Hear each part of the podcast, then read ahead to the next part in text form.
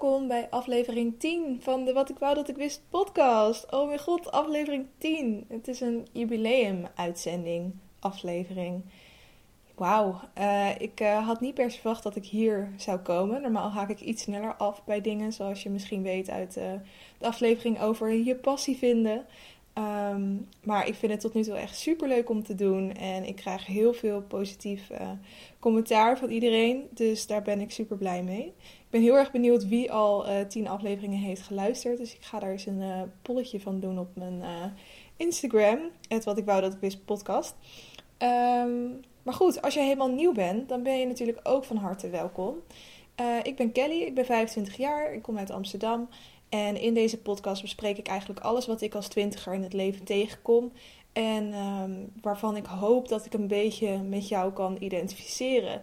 In ieder geval ervan uitgaande dat jij ook uh, twintiger bent en um, ja, bepaalde issues tegenkomt. Sommige groot, sommige wat kleiner.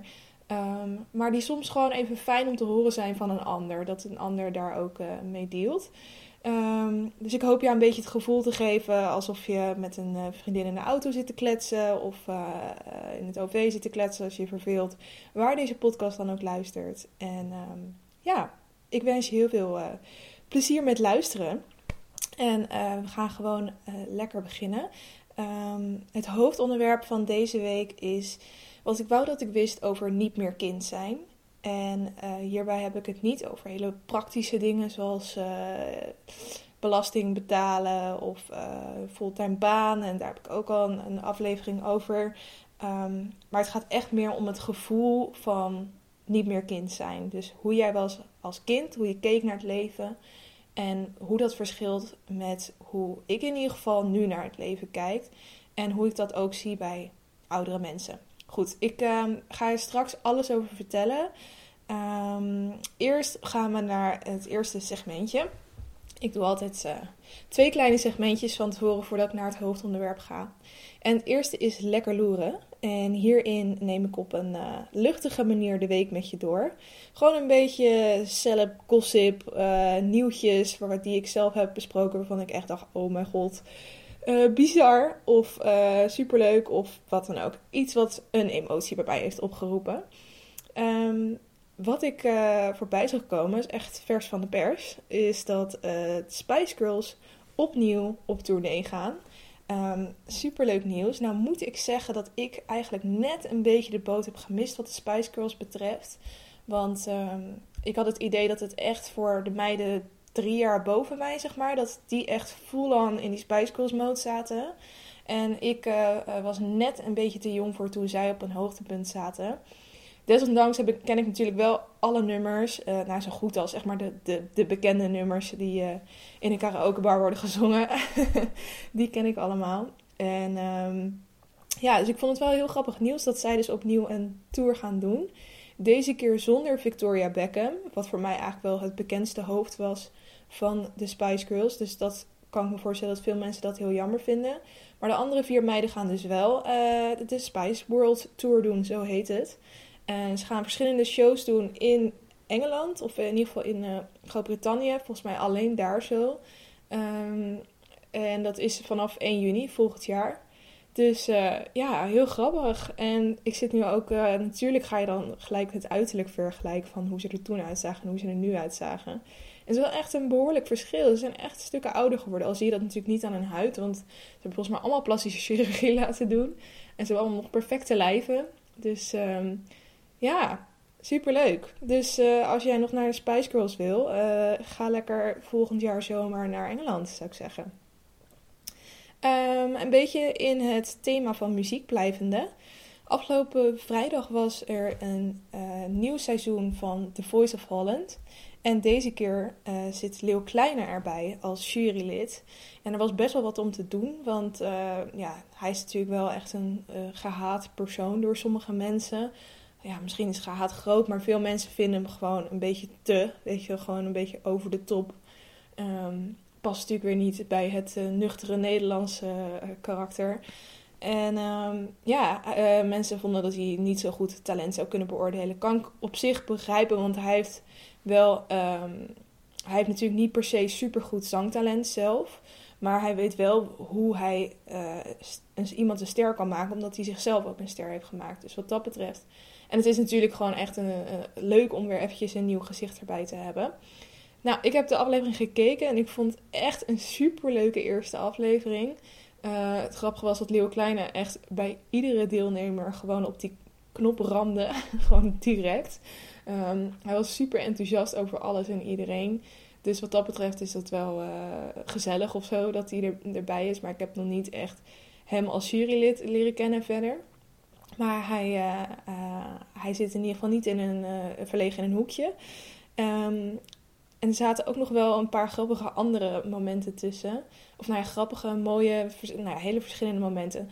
Um, ik weet niet of je hebt gekeken, maar er was op een gegeven moment ook een jongen in. En hij noemde zichzelf Ginger, want hij had vroeger al wel wat uh, eigen nummers. En toen was zijn artiestennaam Ginger, dus zo uh, wordt hij ook nu nog genoemd.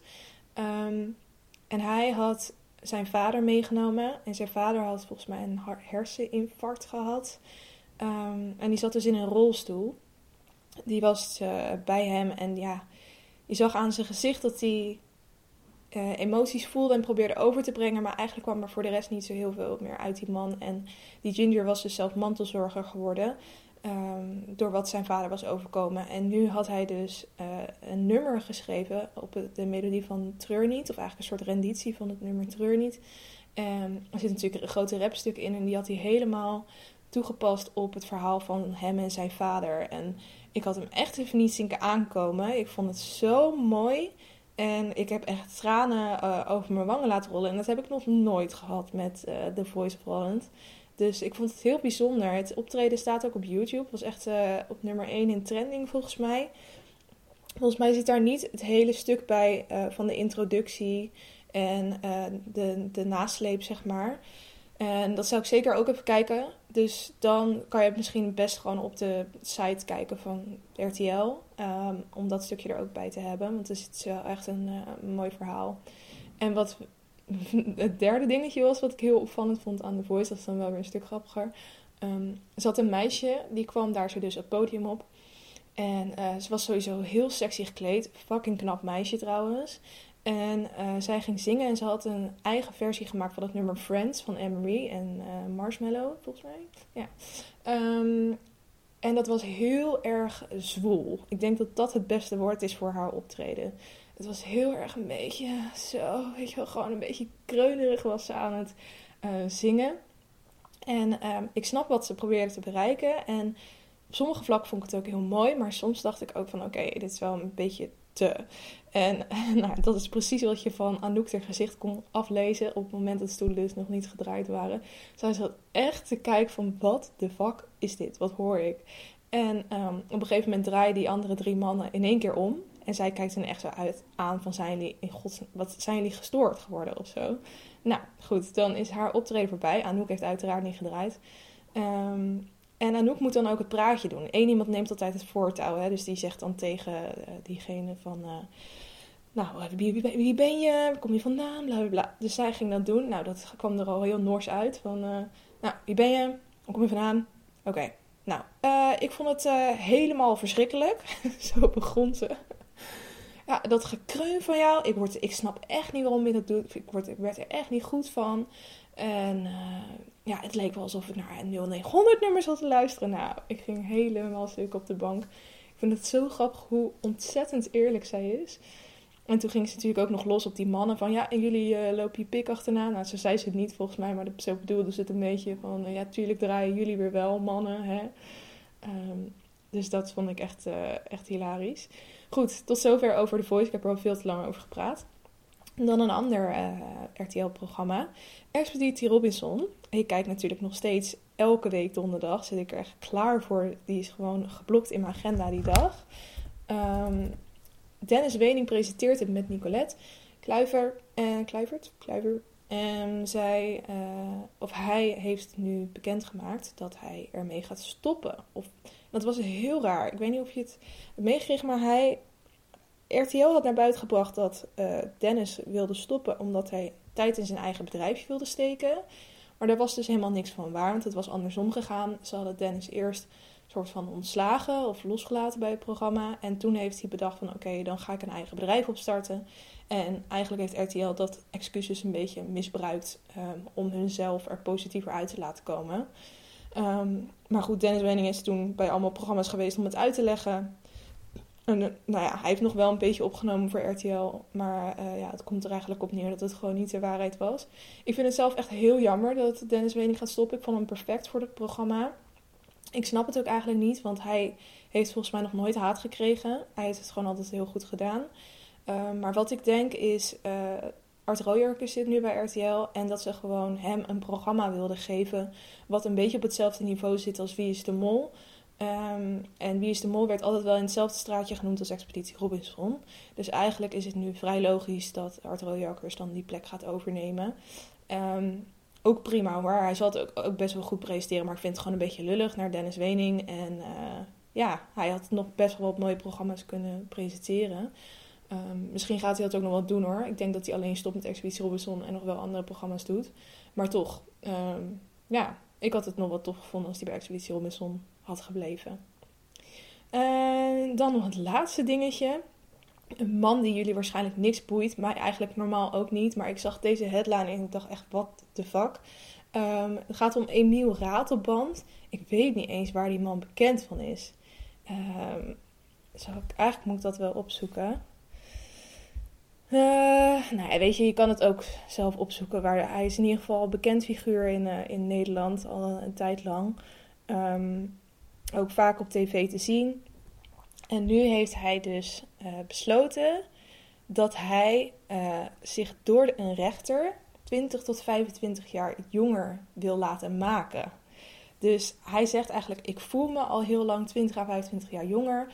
En ik vind het heel raar dat ik dat dan niet uh, in mijn paspoort terugzie. Dus hij vraagt de rechtbank om zijn geboortedatum te veranderen van 11 maart 1949 naar 11 maart 1969. Ja, ik, dit is toch een, bizar verhaal. Ik wil eventjes een quote opzoeken. Um, ja. Oh, dit ja.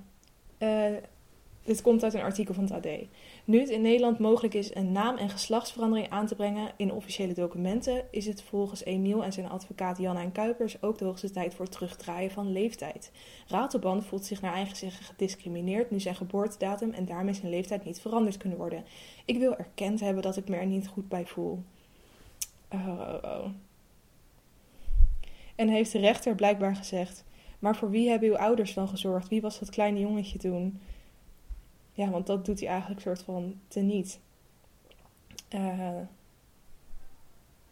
ja, nou, ik vind het uh, heel bijzonder. Kijk, het is, ik snap het als je het vervelend vindt dat um, je geconfronteerd wordt met je leeftijd. Als je bijvoorbeeld AOW krijgt of wat dan ook. En dat je, ik snap dat je soms in een hokje geplaatst wordt, maar om nou uh, het veranderen van je leeftijd te vergelijken met het veranderen van je seksen ik vind dat echt bizar. Dat is. Dat, nou, dat, dat kan je gewoon niet met elkaar vergelijken. Dat zijn compleet, twee compleet verschillende uh, dingen. Um, maar ja, ik ben heel benieuwd hoe dit verder gaat gelopen. Ik, verlopen. Ik uh, geef hem heel weinig kans dat dit hem gaat lukken. Maar ik vind het wel echt een uh, hilarisch verhaal om te gaan volgen. Ik ben ook benieuwd wat jij ervan vindt. Misschien ben ik heel bekrompen. Hè? Misschien, ik vind dit nu belachelijk. Uh, maar misschien uh, kunnen we over 50 jaar allemaal wel onze leeftijd veranderen. ik weet het niet. Anyway, dat was het voor uh, lekker loeren.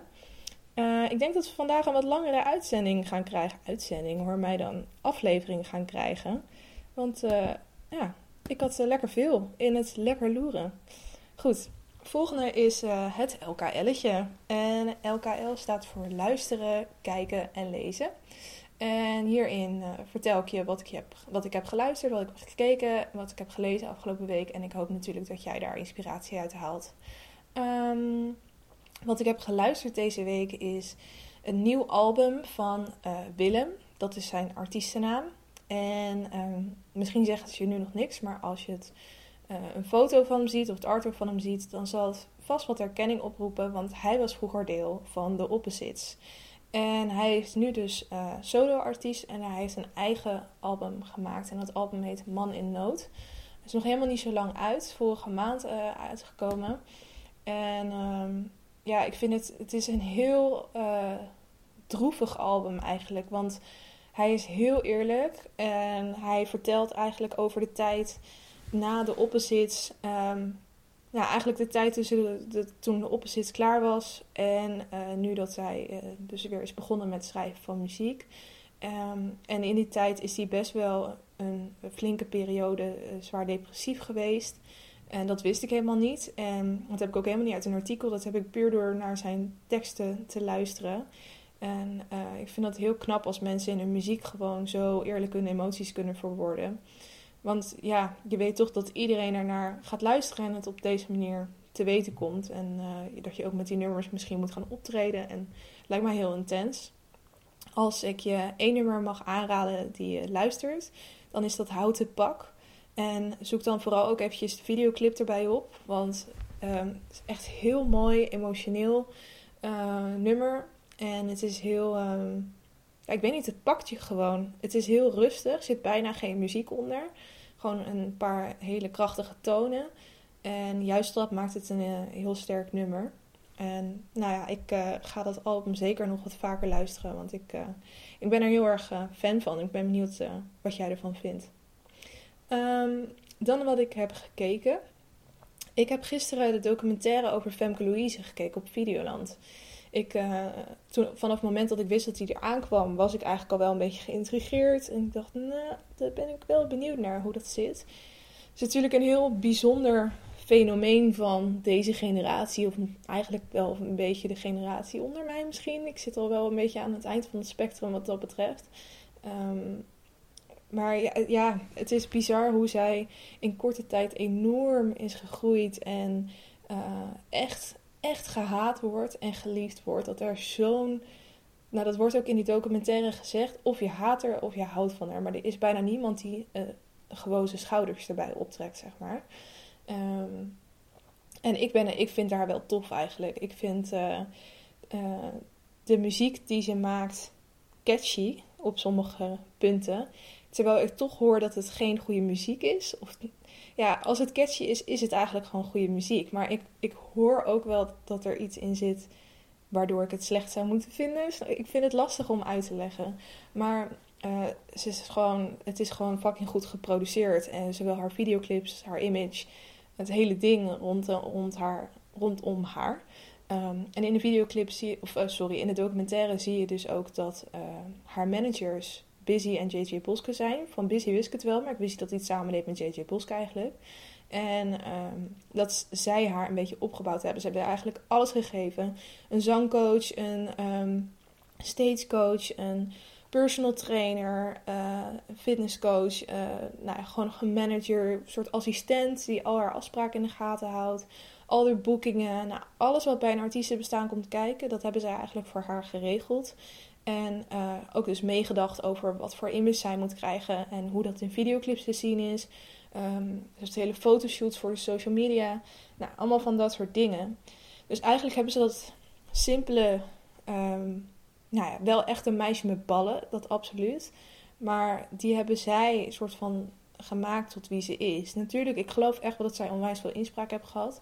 Maar ik denk ook dat heel veel uh, afhankelijk is, uh, of is gekomen door Busy en JJ. Um, ehm, wat ik wel heel heftig vond in die documentaire is dat, dus dat zij zoveel haat krijgt. En ik vind het wel heel krachtig hoe zij daar zelf mee omgaat. Want ik zou dat absoluut niet kunnen. Ik zou dat echt veel meer tot op, ja, op me in nou gewoon voelen. Um, en zij lijkt het redelijk makkelijk van zich af te kunnen slaan.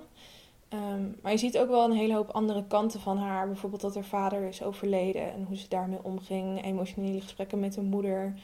Um, ja, en ik, vind haar wel een, gewoon een, een tof persoon. En uiteindelijk is er dus uh, best wel een ja, plot wil ik niet noemen, maar een schokkend dingetje. Als je hem nog gaat kijken, dan zou ik dit stukje dus eventjes skippen. Skip even, laten we zeggen, 20 seconden vooruit. Um, maar goed, zij maakt dan dus bekend, helemaal aan het einde, dat zij uh, gaat breken met uh, Busy en met JJ. Dus dat ze compleet op eigen voeten wil komen te staan. En dat is uh, ja, best wel een dingetje. Want ik ben dus heel benieuwd hoe ze het zonder die hulp allemaal dan gaat aanpakken. Ze heeft natuurlijk wel een hele hoop connecties opgebouwd. Maar uh, ze laat uh, een heel team eigenlijk vallen. En niet alleen die Busy en JJ ehm, Boske.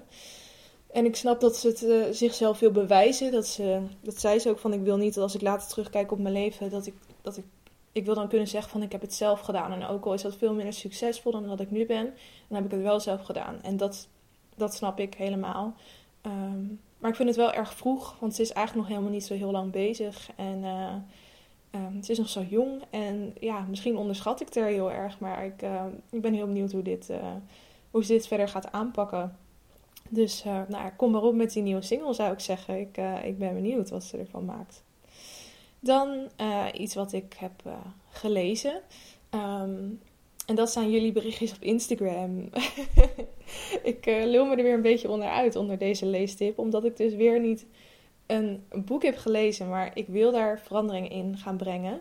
Um, en ik heb namelijk een, een tip gekregen van een van jullie via Instagram. Uh, meerdere tips eigenlijk, maar ik zag er één heel interessant uh, iets tussen zitten. Want iemand stuurde me in een privéberichtje een boekentip van schrijfster Becky Albertalli. Albertalli, sorry, Becky Albertalli. En zij heeft dus ook het boek geschreven van waar uiteindelijk de film Love Simon van is gemaakt. Echt een hele goede film. Als je die nog niet hebt gezien, ga hem zeker kijken.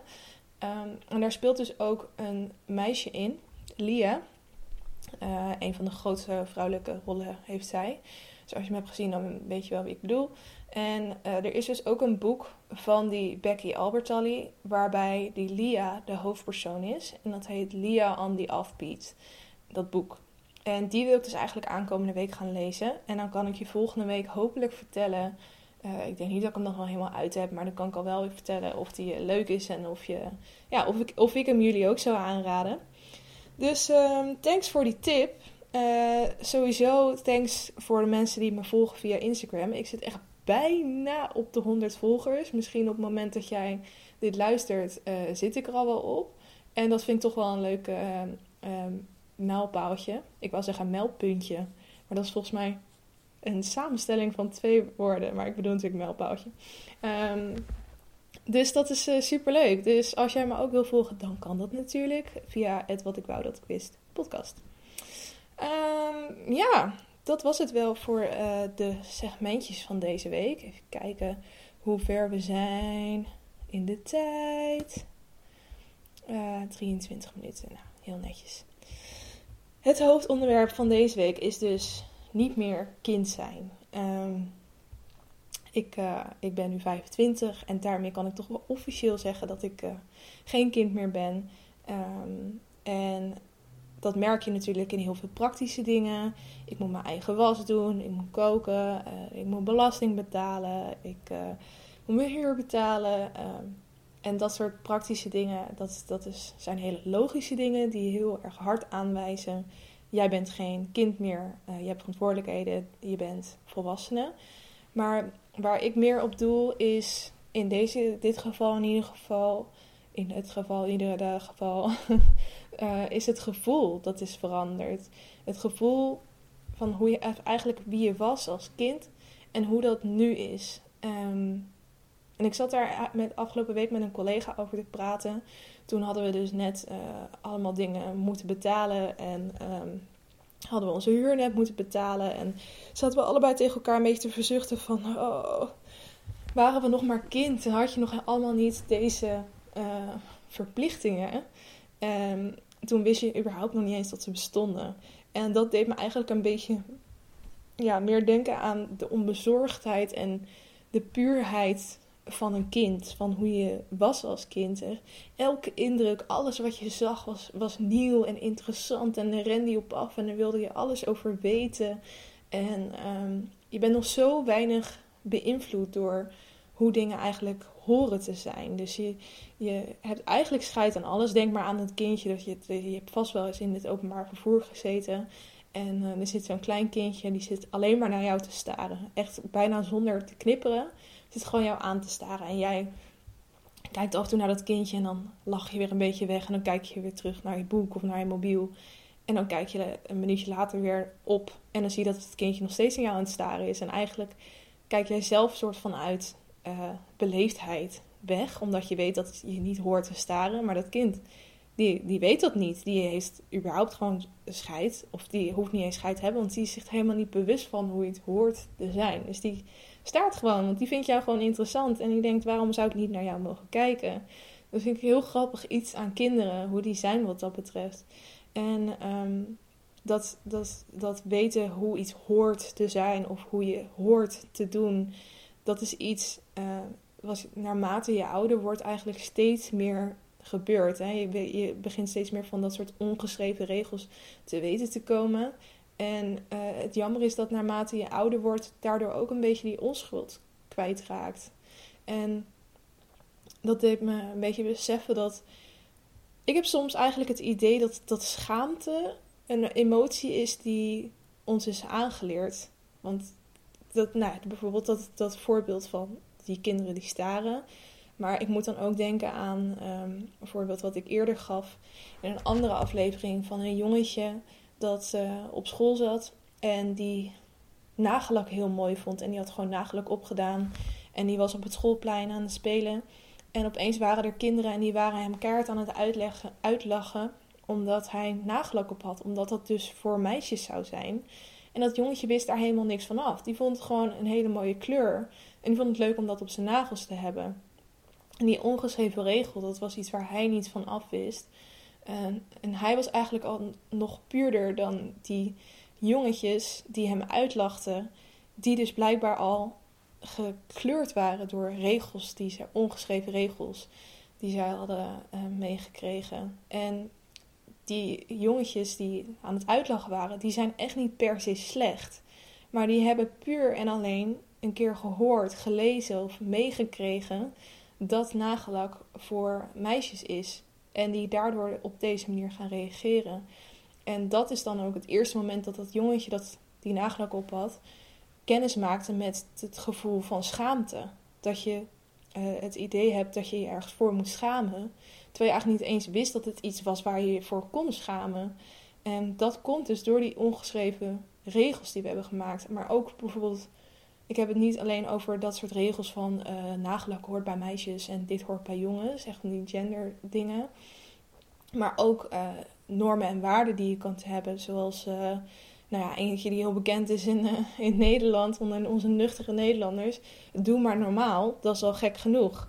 En hoe vaker je dat hoort, hoe terughoudender je onbewust gaat worden in de dingen die je eigenlijk zou willen doen. Omdat je in je achterhoofd toch zoiets hebt van, nou ja, doe, maar niet, hè, doe maar rustig aan, want uh, doe maar normaal. Dat eigenlijk. Um, en ik, ik ben ook een beetje bang dat we daardoor, door dat soort dingetje, dingen, ook uh, steeds kritischer en sceptischer naar de wereld om ons heen zijn gaan kijken. Um, ja, dat is iets dat, dat, dat, dat, dat gebeurt gewoon. Hoe meer regeltjes je in je hoofd krijgt, hoe, uh, ja, minder, hoe kleiner je beweegruimte wordt. En ik denk dat dat ook wel meehelpt. Natuurlijk ook andere dingen, maar ook dat je uh, wat sceptischer wordt. Dat, dat komt er gewoon bij kijken. En je ziet dat best wel vaak bij oudere mensen. Um, wil ik niet zeggen dat alle oudere mensen zo zijn. En ik heb het dan echt over oma's en opa's, zeg maar. Um, dat oudere mensen die kunnen best wel vaak heel nors zijn. Echt, echt heel nors. Uh, mijn oma die, die heeft er helaas ook wel een handje van. En dat is natuurlijk deels ook wel omdat zij zelf heeft meegewerkt en heeft ervaren hoe hard de wereld kan zijn. Um, en dat vind ik, dat, dat, dat snap ik helemaal. Daar heb ik heel veel respect voor. Maar ik denk dat het ook deels komt, is dat ze de de, dromerige blik van een kind, die is gewoon compleet kwijtgeraakt. Die is eigenlijk vergeten dat dat er ooit was. Um, en denk bijvoorbeeld aan een kind dat een, een bal gooit naar een ander jongetje. En eigenlijk gaat het kind dat de bal gooit er, er blind van uit dat dat jongetje of meisje um, die bal gewoon terug zou gooien en mee gaat spelen. En dat kindje dat doet dat ook. En die, uh, die positieve instelling, eigenlijk met zo'n hele open en positieve en nieuwsgierige blik naar de wereld kijken, Um, dat vind ik heel jammer dat je dat, hoe ouder mensen worden, dat je die een beetje ziet vervagen. Dat vind ik zo zonde. Dat doet me echt gewoon een klein beetje pijn als ik dat zie. Ehm, misschien ken je die quote nog wel van Pippi Langkous. Dat zij zei: Ik heb het nog nooit gedaan, dus ik denk dat ik het kan. En dat vind ik zo vet dat je zeg maar het omdraait. Want in ons hoofd klinkt dat heel krom. Want hoe kan je überhaupt weten dat je iets kan als je het nog nooit hebt geprobeerd? Maar zij draait het dus juist om van, nou ja, uh, ik kan het toch uh, uh, proberen. Want, nou ja, niet eens proberen, ik denk gewoon dat ik het kan. En je ziet heel vaak dat als je zo'n instelling hebt, als je op die manier al in iets gaat, iets gaat doen, dat de uitkomst veel positiever is. Want je gelooft in jezelf en je staat open voor positieve ervaringen in plaats van dat je uitgaat van de negatieve ervaringen. En, en dat, ja, dat, dat, dat houdt die positiviteit en die nieuwsgierigheid in je, die kinderen hebben. Waardoor ik eigenlijk ook een beetje op dit onderwerp kwam, was uh, een plaatje wat ik. Een plaatje. Uh, ik zag een Instagram-post van Ella Grace Delton. Uh, zij is niet super groot op Instagram, maar ik volg haar al een tijdje. Uh, geen idee meer hoe überhaupt op haar profiel is gekomen. Maar zij is best wel een spiritueel persoon. Dat merk je ook aan alles op haar Instagram profiel. En ik heb een beetje een haat-liefde verhouding met uh, spiritualiteit. Want ik vind het prachtig. Maar ik ben zelf zo nuchter als wat. Dus ik, ik uh, vind het soms nog lastig. Maar de manier waarop zij. Juist daarom vind ik het wel interessant om me er een beetje aan, aan over te geven. Om te kijken wat dat voor mij is. En sommige dingetjes die passen dan juist wel weer heel goed bij mij. Uh, zij had dus pas een Instagram post gedaan en zij had een tekstje eronder geschreven. En dat wil ik even voorlezen, want dat haakt perfect in op wat ik hier duidelijk probeer te maken. Het is in het Engels, dus ik lees het even voor. When we shine our lights as children and adults tell us to change our ways to fit we learn that we are not safe to express our spirits and we stop shining our lights. Then, when we're older and we see people doing amazing things that inspire us and resonate with us, but we don't pursue them, why is this? Is it because of the fear that it's not safe to shine that brightly? I believe that it is not our failure we fear most, but our divine successes. Can you push yourself to shine your light freely? Interessant, hè? Eh? Ik ook wel. Dus eigenlijk gaat dit gewoon precies een beetje over wat uh, Pippi Langkous zegt. Van, ga het gewoon doen. Heb scheid aan uh, onbeschreven regeltjes die jou zijn opgelegd. Normen en waarden die zouden zeggen dat je iets niet moet doen. Um, als dat tenminste nog wel legaal is, hè jongens? um, nee, maar ik denk dat je heel goed begrijpt wat ik bedoel. Um, probeer je ook een beetje uit je schulp te komen en uh, gewoon op positieve gedachten je te laten drijven in plaats van negatieve gedachten. Dat is denk ik het allerbelangrijkste. En dat is echt niet altijd makkelijk. Ik ben zelf ook wel Norser geworden hoor. Uh, als ik naar mezelf kijk, ik zeg dit nu wel allemaal heel leuk, maar ook ik ben cynischer geworden. Ik, uh, um, krijgt natuurlijk, je krijgt gewoon heel veel mee van de narigheid in de wereld. En uh, het is niet voor niks dat we een, een kinder, uh, hoe noem je dat? Het kinderjournaal? Het, het, het jeugdjournaal, sorry. um, dat je het jeugdjournaal hebt waar eigenlijk de positievere dingen uit het nieuws wordt uitgelicht. En als er dan iets serieus over de wereld wordt verteld, dat het dan wel met een, um, ja, met een fluwelen handschoen aan je wordt geserveerd, zeg maar. Dat kinderen die um, wordt ook gewoon nog, worden, dat is logisch, die worden nog een beetje beschermd. En naarmate je ouder wordt, verdwijnt dat schild een beetje. En dan zie je de wereld voor hoe die is. En dat is niet altijd even leuk. Uh, ik weet bijvoorbeeld dat wereldleiders als Trump de wereld langzaam in afgrond aan het helpen zijn door uh, uh, milieuproblemen gewoon compleet te negeren. Ik weet dat ehm, Sinterklaas eigenlijk niet bestaat. Waar ik echt van gejankt heb en waarvan uh, ja, ik het eigenlijk gewoon niet wilde geloven, maar dat het toch zo is. Ik weet dat we met integratie en met homoacceptatie nog lang niet zo ver zijn als dat we denken dat we zijn.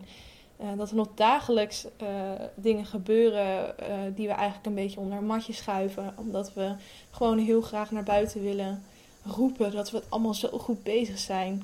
En een goocheltrucs. Ik weet dat elke goocheltruc eigenlijk compleet gewoon doorgestoken kaart is, letterlijk.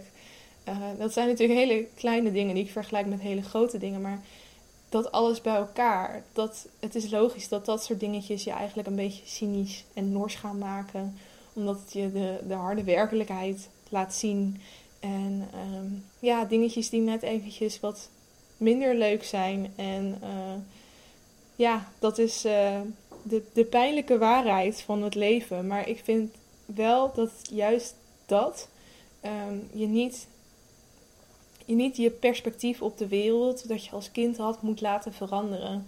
Hoe moeilijk dat soms ook kan zijn. Ik probeer heel erg om die onschuld van vroeger echt niet te veel te verliezen door heel erg open te staan voor nieuwe ervaringen.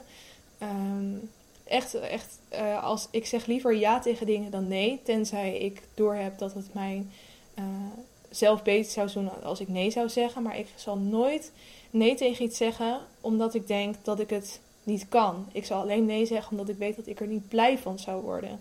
Ik wil juist dingen uitproberen en um, ja, nieuwsgierig blijven. Dat, dat vind ik gewoon heel belangrijk. Ik wil me openstellen ook voor nieuwe mensen. Uh, hoe lastig ik dat ook soms vind. Want ik uh, um, zit veel comfortabeler uh, in mijn eigen groepje met mensen die ik al lang ken. Maar um, juist door conversaties met mensen die je nog helemaal niet kent, kan je hele nieuwe perspectieven krijgen. Nou, daar heb ik wel eens eerder over gehad. Um, ik vind dat ook gewoon heel interessant om nieuwe mensen te spreken. Dus dat probeer ik te doen. En ik probeer creativiteit in alles om me heen op te zoeken. Ik vind het gewoon super leuk om te knutselen op wat voor manier dan ook. Al is het uh, gewoon een beetje doedelen in een boekje of het is uh, een nieuwe uh, foto of een nieuwe foto photoshoppen voor op mijn Instagram feed. Um, daar steek ik trouwens heel veel moeite en tijd in. Dat vind ik super leuk. Dus bekijk dat zeker eens. Um, dus die creativiteit, dat vind ik heel belangrijk. Op wat voor manier dan ook. Met tekst of met beeld. Of, of je kan het natuurlijk zo breed trekken als je zelf maar wil. Dit, dit, deze podcast was ook eigenlijk gewoon een ideetje van creativiteit dat in mijn hoofd plopte. Van misschien wordt dat wel mijn nieuwe creative outlet, om maar even een Engels woord te gebruiken. En dat is het geworden. Um, er is ook een hele leuke uitspraak en dat heet: The creative adult is the child that survived. En dat vind ik wel een hele mooie voor deze podcast eigenlijk. Want eigenlijk is deze podcast voor mij het bewijs dat ik dat, dat kindje in mij nog steeds heb bewaard. um, misschien een beetje diep, maar ik, ik uh, geloof daar wel heel erg in. En, en daarnaast, wat kan ik nog meer aan je geven als voorbeelden, als, als handvaten om dat kind in jezelf een beetje te houden? Um, ik probeer ook vaker over de schaamte gesproken. Ik probeer bijvoorbeeld vaker gewoon zonder schaamte hardop te zingen op de fiets. Omdat mij dat blij maakt. Als ik een lekker nummer hoor in mijn oren. En ik heb zo'n zin om daar lekker mee te zingen. Waarom zou ik me dan druk maken om die paar mensen die op straat wonen, uh, lopen, die mij raar aankijken? Ik word hier gelukkig van, dus ik ga gewoon lekker blaren. En dat meisje met die toffe jas, die wil ik ook gewoon vaker een compliment geven. Ook al ken ik haar niet. Dat probeer ik. Ik probeer gewoon vaker mensen op straat die ik niet ken een complimentje te geven. Omdat ik oprecht vind dat ze iets vets aan hebben of dat ze er ja, uh, vet uitzien. En dat vinden mensen ook heel leuk om te horen. En ja, dat is eigenlijk net zoals hoe kinderen vroeger vriendjes maakten die connectie zijn we ook een beetje kwijtgeraakt met anderen. Die makkelijke connectie maken. En daar moet ik mezelf ook wel toe dwingen. Maar dat is wel iets wat ik uh, vaker probeer te doen. En als ik er dan toch echt eventjes helemaal doorheen zit. En uh, uh, gewoon de wereld kut vind. En alles is stom. En alles gaat helemaal de afgoot in. En ik begin echt cynische opmerkingen te maken. Net als mijn oma over de kutheid van het leven dan ga ik gewoon eventjes bij mijn nichtjes en neefjes langs. Die trekken me dan een te gekke, maar veel te kleine prinsessenjurk aan. En die laten me heel hard Let It Go van Frozen met ze zingen. En dan uh, kom ik weer even, even helemaal terug op die kinderlijke aarde. dus dat was eigenlijk eventjes mijn, uh, mijn verhaal over ja, het verschil in gevoel van kind zijn en volwassen zijn. En uh, ja, ik hoop dat ik jou ook een beetje inspireer om wat vaker het kind in jezelf naar boven te halen. Te huppelen door de Albert Heijn gangpaden. En uh, je niet zo druk te maken om wat andere mensen vinden. En je niet te veel zorgen te maken over wereldproblemen. Uh, maar ondertussen wel je huur betalen natuurlijk. ik probeer je niet uh, alleen maar in de problemen te brengen. Maar gewoon het alles een beetje in balans te houden. En ja, dingen niet al te groot maken in je hoofd. Um, dan gaan we denk ik naar de challenge van deze week. Ik, uh, oh, dat is wel leuk om te bespreken. De challenge van vorige week was dus om een kaartje te sturen, een, uh, een postkaart. iets wat ik eigenlijk al heel lang niet heb gedaan. Ik heb ooit wel eens een, een kalender aangeschaft om um, ja, om, om dan daar alle verjaardagen op te schrijven met het idee. Ik heb zelfs ook een adresboekje gekocht en daar alle adressen in geschreven. Met het idee dat ik elke keer als iemand jarig was een kaart ging sturen. Nou, ik heb denk ik de eerste drie mensen een kaart gestuurd. Die waren er overigens heel blij mee. Daar kreeg ik allemaal een berichtje van. Maar daarna eh, is het er compleet bij ingeschoten. En ik denk niet dat ik me weer aan mezelf moet gaan beloven dat ik iedereen een verjaardagskaart ga sturen. Misschien wel kerstkaartjes dit jaar, dat zou wel leuk zijn. Maar... Um, Nee, ik zou dus een kaartje sturen naar iemand. En dat heb ik zeker gedaan. Mijn uh, ouders, die uh, uh, heel luxe, die hebben gewoon een, een klein appartementje in, in Spanje. Geluksvogels. Maar die zitten daar dus nu weer. En um, ze hebben dat nieuw, ze zijn nieuw, dat hebben ze nieuw gekocht. Dus het leek mij wel leuk om daar dan een kaartje naartoe te sturen. Van Happy New Home, gefeliciteerd met jullie nieuwe woning. En dat heb ik dus gedaan. Dus er is als het goed is, uh, as we speak, een kaartje onderweg naar Spanje. Dus dat is wel leuk. En ik hoop dat hij ook goed aankomt, want die adressen in Spanje zijn natuurlijk weer heel anders. en um, waar ik het vorige week ook over had, was kaartjes voor museumnacht. Dat was afgelopen zaterdag. En uh, als je vorige week hebt geluisterd, dan wist je dat ik daar zo heel graag heen wilde. Maar dat er echt geen kaartjes meer te krijgen waren. En dat ik er bloedchagrijnig van werd. En uh, goed nieuws, ik heb uiteindelijk toch kaartjes weten te scoren. Echt op zaterdag zelf om half acht s avonds. Het moment dat andere mensen waarschijnlijk dachten van... oké, dit gaat me toch niet meer lukken. Uh, ben ik toch nog even op Ticketswap gegaan. En twee kaartjes uh, heb ik weten te fixen. Dus ik ben uh, met, vriend, met, een vriendinnetje uh, daarheen geweest. Ik ben naar het Stedelijk Museum geweest, het Rijksmuseum en het Van Gogh Museum. En er waren echt hele vette dingen uh, over het kind in jezelf naar boven halen gesproken. Er was bijvoorbeeld bij het Van Gogh een, een um, hoe heet dat nou? Een projector. Er waren allemaal kleinere projectors die dus beeld toonden op de muur. En je kon dan zelf dingen onder die projector leggen. En er lagen heel veel verschillende ja, plaatjes met uh, tekeningen erop. Die kon je dan op elkaar leggen en dan creëerde het weer een nieuw design. Maar ze hadden ook van die ja, soort uh, zakjes waren het eigenlijk. En in die zakjes zat dan, zat dan gekleurde vloeistof. Dus als je die er dan weer overheen legde, dan um, had je weer een heel nieuw beeld op, de, op het plafond. En nou, je, kan, je bent daar echt een half uur zoek mee. We hebben daar echt heel lang gezeten en allemaal nieuwe designs gemaakt. Dat was heel leuk. Um, hij had de gekste dingen. Je had ook een, een nippelbooth. Daar stond een super lange rij voor. Dat was dus een soort fotohokje. En dan kon je een foto laten maken anoniem van je, uh, je tepel. Je stond ook alleen in dat hokje. Het was niet dat er een fotograaf was of zo. Um, en dan had je dus de kans dat jouw tepel in het museum kwam te hangen. Want ze gingen dus een expositie doen over tepels.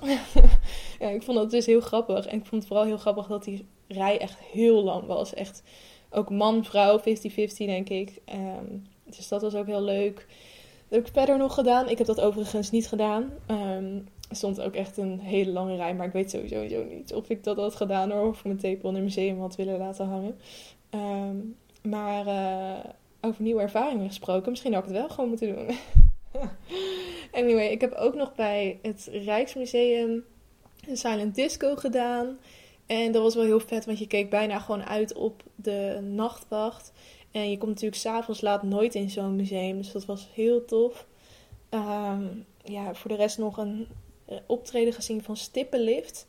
Uh, ja, ik vond het heel bijzonder. Het vriendinnetje waarmee ik was, die vond, die vond hem dus heel vet. Maar uh, als je van Nederlandstalige, rare, maatschappijkritische muziek luistert, muziek houdt, dan moet je het zeker eens opzoeken. Ik vind de naam wel heel grappig trouwens. Stippenlift in plaats van lippenstift. Dus dat blijft wel lekker hangen. Ehm, maar goed, dat was dus mijn museumnacht. Ik dacht, ik geef even een update. Want misschien waren mensen nieuwsgierig of ik uiteindelijk nog een kaartje had weten fixen. Ja, dus. Dus uh, het was heel leuk en ik ben heel blij dat ik er gegaan, heb, gegaan ben. Um, dan een challenge die ik mezelf aankomende week ga geven. Oh, ik heb het helemaal niet geïntroduceerd. Maar um, als het je nog niet duidelijk was, ik geef mezelf dus elke week een challenge. En uh, dat is een uitdaging die ik binnen een week kan volbrengen. En het is dus gewoon, het hoeft maar echt iets heel kleins te zijn. Als het een, eh, een liedje leren op een gitaar of een recept uitproberen, kan van alles. En, uh, en dan de week daarna vertel ik dus of die challenge gelukt is, of ik hem behaald heb.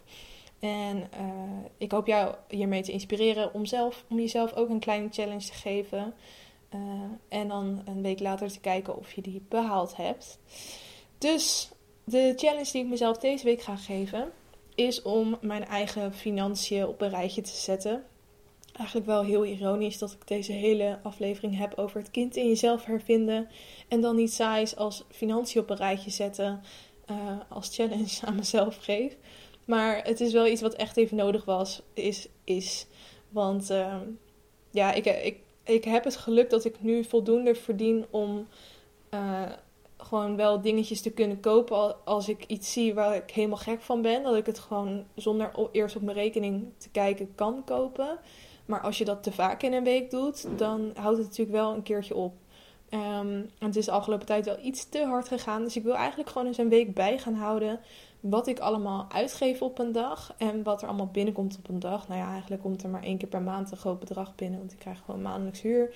Maar uh, om in ieder geval mijn uitgaven van een week uh, ik krijg maandelijks salaris, bedoel ik natuurlijk. Uh, maar in ieder geval mijn uitgaven van een week in spijn te houden. Um, en ik denk dat je daardoor ook een stuk bewuster met geld om zal gaan. Omdat je dan echt op papier ziet wat er allemaal uitgaat. Uh, en er zullen vast ook een hele hoop doelloze aankopen in zitten. Dus ik wil dat eens een keer gaan doen. Daarover gesproken, ik ben vorige week naar een uh, lezing geweest over beleggen. Uh, en dat is iets waar ik helemaal niks van af weet en wat ik eigenlijk echt fucking saai vind. Maar wat wel iets is waar je in de toekomst heel veel aan zal kunnen hebben. Dus ik vond het wel interessant om me daar eens in te gaan verdiepen. Dus misschien dat ik daarom ook in de mindset van financiën zit. Um, en uh, nou, wie weet doe ik daar ook eens een keer een, een aflevering over. Over uh, ja, tips om uh, je geld in de gaten te houden. Um, tips om meer te weten te komen over hoe je slim met geld om kan gaan. Want dat is echt voor mij ook nog een zoektocht. En ja, wel iets heel relevants, denk ik, voor onze, onze generatie. Want zeker met die huizenmarkt. Ik denk dat een hoop van ons misschien ook al bezig zijn met van ga ik, nog, ga ik weer mijn volgende huis huren of wil ik nu echt iets gaan kopen. Um, daar weet ik nog niet zo heel veel van af. Maar misschien uh, hoe meer te weten ik kom over geld, sparen, beleggen, uh, dat ik die kennis ook een keertje kan delen met jullie. Um, dat was het eigenlijk wel voor deze week. Uh, heel erg bedankt voor het luisteren weer. Ik vond het leuk dat je erbij was. En ik noem hem gewoon nog één keertje. Um, omdat dat de enige manier is eigenlijk waarop ik feedback uh, kan krijgen en kan zien dat er ook daadwerkelijk mensen zijn die naar me luisteren. Mijn Instagram is wat ik wou dat ik wist podcast, dus daar kun je altijd je verhaal kwijt. Um, over al deze onderwerpen die ik heb genoemd, ga ik aankomende week ook een fotootje posten en dan kan je eronder reageren wat je van het onderwerp vond of wat jouw ervaringen zijn. Um, ja, Mocht ik je voor die tijd niet meer spreken, dan uh, wens ik je een fantastische week toe. Maak er weer wat moois van. En uh, ja, tot volgende week.